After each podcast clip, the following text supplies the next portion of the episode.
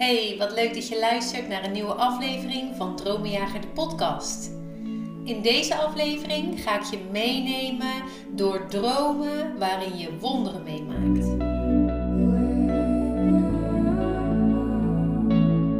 Nou, super gaaf natuurlijk, super eh, interessant onderwerp, wonderen in een droom. Jij zelf doet wonderen, je maakt wonderen mee. Uh, je ziet dat God beweegt in een droom. Je ziet doden opstaan, je ziet mensen genezen, je ziet mensen uit rolstoelen opstaan, je ziet bevrijdingen, etc. Misschien heb je dit wel eens gehad, misschien nog nooit. Ik ga je vandaag meenemen. Om te beginnen wil ik je iets voorlezen. Het staat in de Bijbel in Handelingen 9 en ik ga voorlezen vanaf vers 10. En er was een zekere discipel in Damascus van wie de naam Ananias was. En de Heer zei tegen hem in een visioen: Ananias. En hij zei: Zie, hier ben ik, Heer. En de Heere zei tegen hem: Sta op en ga naar de straat die de rechte genoemd wordt. En vraag in het huis van Judas naar iemand van wie de naam Saulus is, uit Tarsus. Want zie, hij bidt. En hij heeft in een visioen gezien dat er een man van wie de naam Ananias was, binnenkwam en hem de hand oplegde, opdat hij weer ziende zou worden. Ananias antwoordde: Heer, ik heb van velen over deze man gehoord, hoeveel kwaad hij u heilige in Jeruzalem gedaan heeft. En hij heeft hier volmacht van de overpriesters om alle gevangenen te nemen die uw naam aanroepen. Maar de Heere zei tegen Ananias: Ga, want deze is voor mij een uitverkoren instrument om mijn naam te brengen naar de heidenen en de koningen en de Israëlieten. Wauw, even tot zover. Dit is echt een wonderlijk verhaal. Laten we eerlijk zijn. Dit is een verhaal wat uh, geschreven staat, Handelingen 9, net na het moment dat Saulus, wat later Paulus wordt, uh, tot bekering is gekomen. Althans, hij heeft een ontmoeting gehad met God. En op dat moment zegt hij direct Heer. Hij noemt God direct Heer. Dus in dat moment zou je echt wel kunnen spreken van een radicale bekering bij Saulus. Tegelijkertijd wordt hij blind. Hij wordt met blindheid geslagen door God. Hij is drie dagen blind. En dan roept God een man, een discipel, dat is belangrijk, een discipel. Hij roept een discipel om naar Saulus toe te gaan. En het mooie van dit verhaal vind ik dat hij een hele reeks woorden van kennis krijgt. Hij krijgt de naam, hij krijgt de straat, hij krijgt um, de woonplaats van Saulus.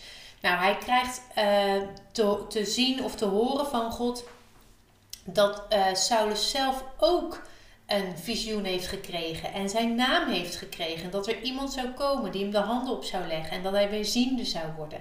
Nou, dit is echt een, een, ja, een wild verhaal. Als je het mij vraagt, veel meer van dat in deze tijd. uh, dit is wonderlijk.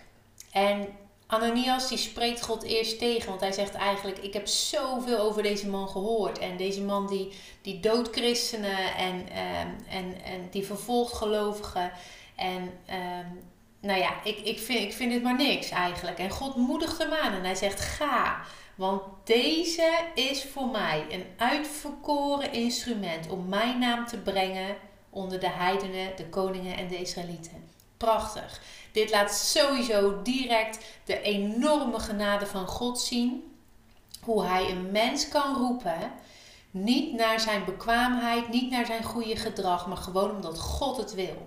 Als je leest eerder in dit hoofdstuk, Handelingen 9, dan zie je dat vlak voor de bekering van Saulus, dat hij nog brieste van moord, staat er. Brieste van moord. Hij was buiten zinnen en moordlustig. Uh, en dat allemaal achter de kinderen van God aan. Hij, was, hij vervolgde christenen.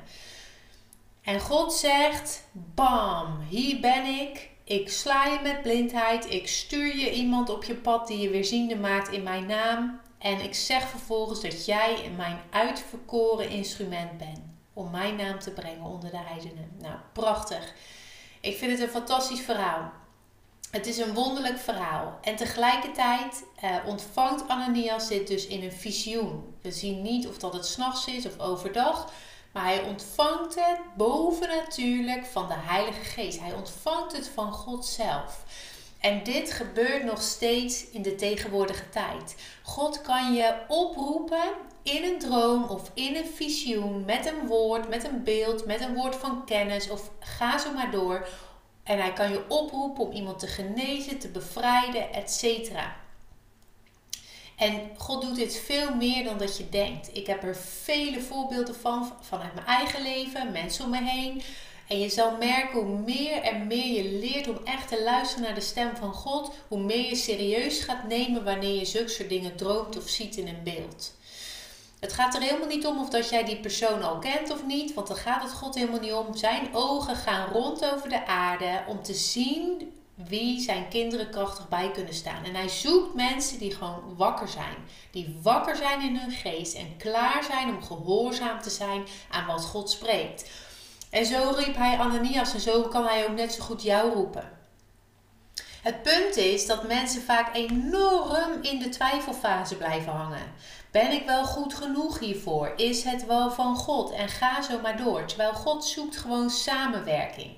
Hij zoekt niet of dat jij eerst bevestigd wordt door drie profetische woorden en bevestigd wordt dat je zo'n goede jongen of meisje bent en dat je wel geschikt bent. Nee, hij zoekt gewoon mensen die zeggen: Oké, Heer, ik ga. Als u mij roept, prima. Het gaat niet om mij, het gaat om u. Het gaat om dat uw naam verspreid wordt. Het gaat om uw koninkrijk. Het gaat erom dat uw wil gedaan wordt. Dus dat is gelijk ook mijn eerste tip aan, jij, aan jou. Als je een droom hebt gekregen of een visioen hebt gekregen waarvan je vermoedt dat God je oproept tot actie, eh, hou niet terug. Vaak doet God het eh, met een woord van kennis, een naam, een gezicht. Uh, iets wat je op het moment dat het nodig is gaat herkennen. God doet geen half werk, lieve mensen. Hij roept je niet op en zegt: Ja, kijk maar waar diegene woont en uh, zoek het maar even verder uit, dat weet ik niet. Nee, wanneer God je roept, dan zegt hij: Dit is wat je moet doen, dit is je taak. En hij is daarin niet uh, onduidelijk, maar God wil daarin heldere boodschappen geven. Dus dat zou kunnen betekenen dat je in de nacht bijvoorbeeld een bepaald gezicht ziet en de volgende dag die persoon tegenkomt. Waardoor je direct weet, want God weet ook dat je die persoon gaat tegenkomen, wat de setting is en enzovoort. Dat weet hij allemaal. Zodat jij die, diegene gaat herkennen en direct wakker bent en denkt: hé, hey, volgens mij wil God iets doen. Nou, Wees gehoorzaam. Wees niet terughoudend. Wees niet bang om je gezicht te verliezen. Stap op diegene af. Vraag om wijsheid van de Heilige Geest. En dat zou misschien helemaal niet kunnen betekenen dat je direct van wal steekt en zegt: hey, ik heb jou gezien in een droom en dit en dat. Nee, vraag gewoon: hey, uh, hoe is het met je vandaag? En kijk gewoon hoe God het leidt. Uh, maar hou niet terug.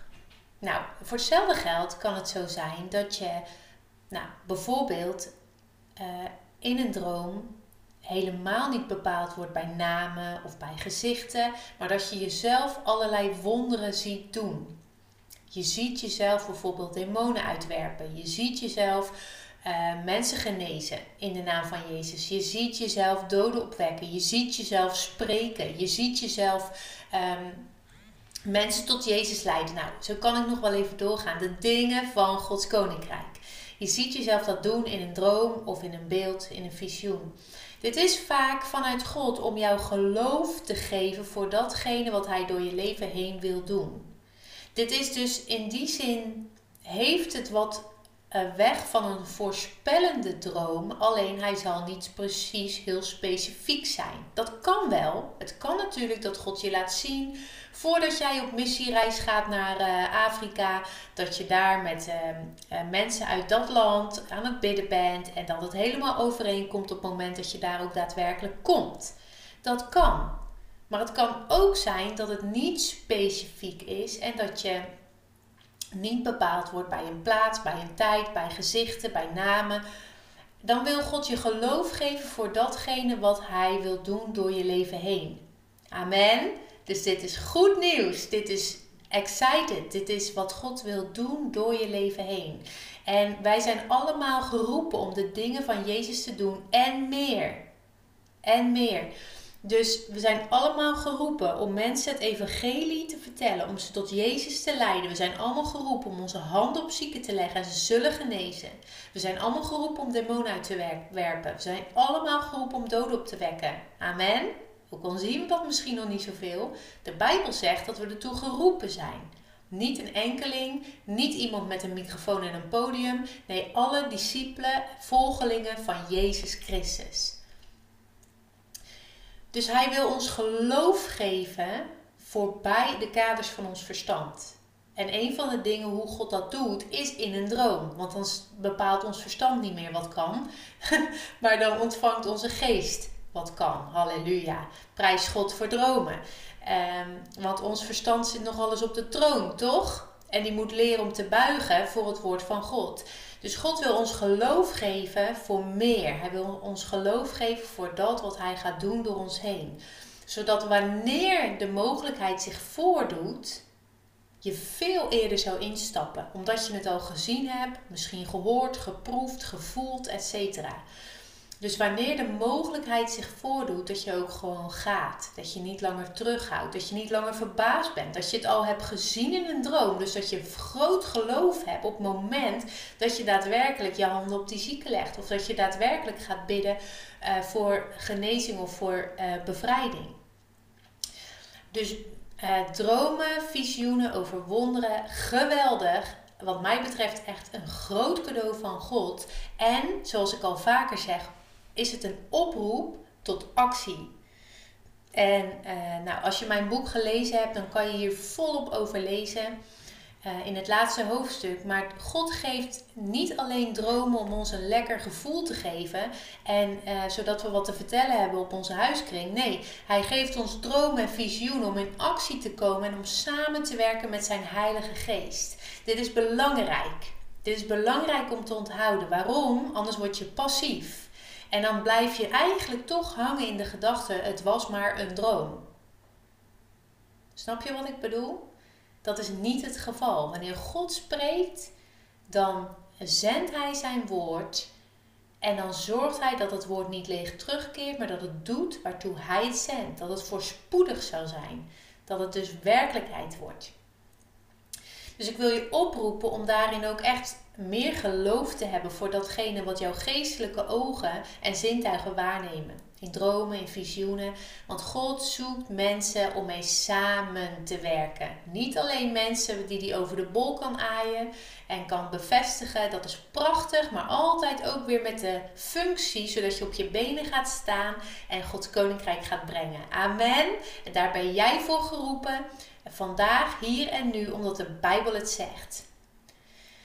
Oké, dit is um, zomaar een voorbeeld over dromen die je kan krijgen over wonderen. Maar hoe zit het nou als je uh, symbolische dromen krijgt over wonderen? Symbolisch. Dus ze zijn heel duidelijk symbolisch. Bijvoorbeeld, jij wekt iemand op uit de dood. En diegene uh, is een specifiek persoon wat je ook herkent. Misschien niet kent in het dagelijks leven, maar wel herkent. Dus dat kan uh, uh, iemand zijn uh, die je kent van televisie, internet of zoiets. Of iemand die je persoonlijk kent en je wekt diegene op uit de dood.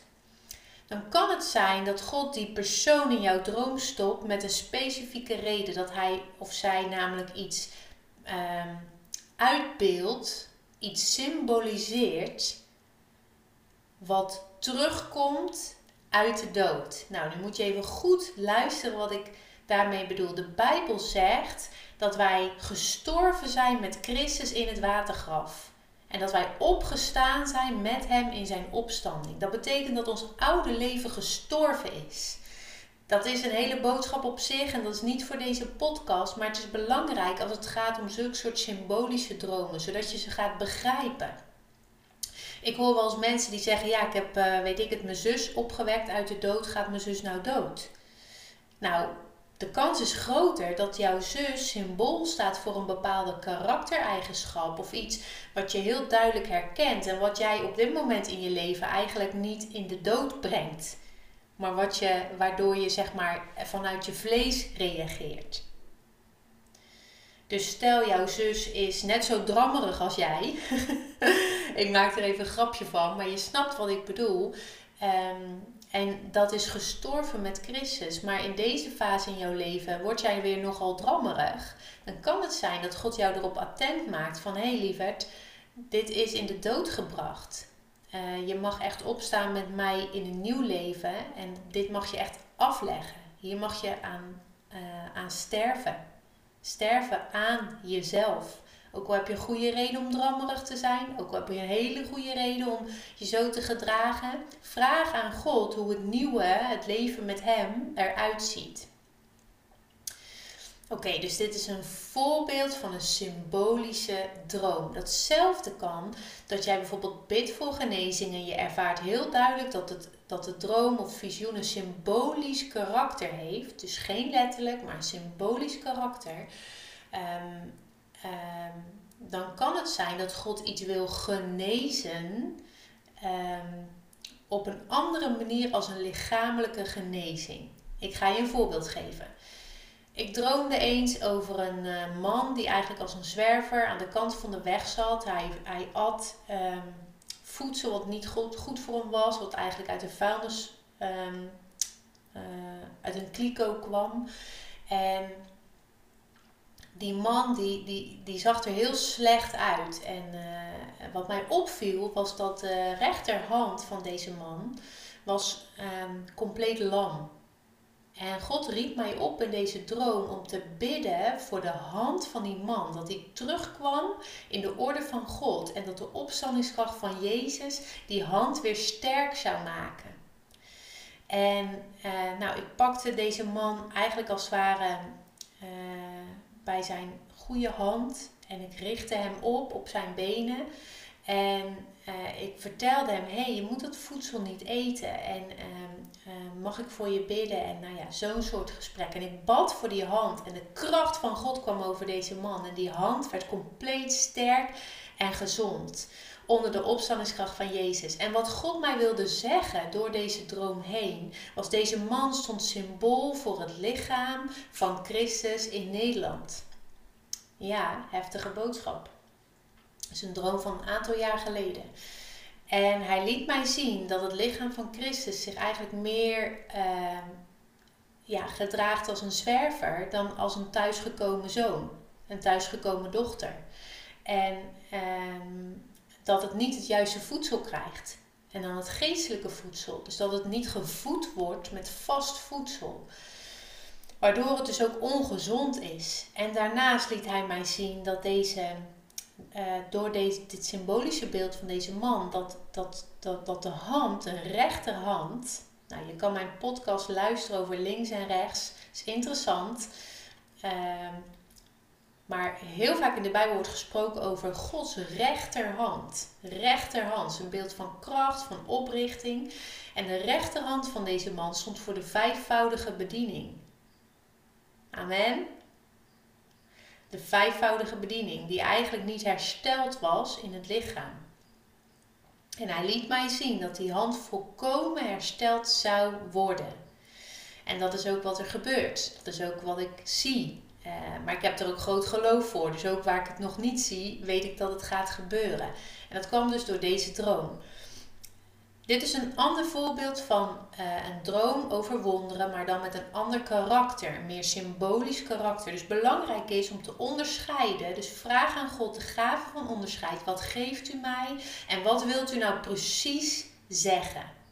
Is het iets om in actie te komen vandaag of morgen? Uh, is of deze week? Of is het iets waarin u mij laat zien dat dit door mijn leven heen gaat gebeuren? En wanneer de mogelijkheid daar is, of je wordt gevraagd om te bidden, uh, of, of in een ministry team mee te draaien, of uh, wat het ook is. Als je muzieke mensen tegenkomt, of noem het maar op, dat God je extra groot geloof geeft om hier ook in te stappen. En als derde kan het zo zijn dat je droomt over wonderen, maar dan met een symbolisch karakter. Die hebben dus een andere boodschap. Oké. Ik ga ervan uit dat je gezegend bent door deze podcast, dat je meer helderheid en openbaring hebt ontvangen over jouw dromen. Uh, onthoud, ga altijd naar de Heilige Geest met jouw vragen over dromen, over wat God jou heeft gegeven. Want de gever, dat is God. Hij is ook de gever van de interpretatie van jouw droom. Dus uh, bless you en tot de volgende keer.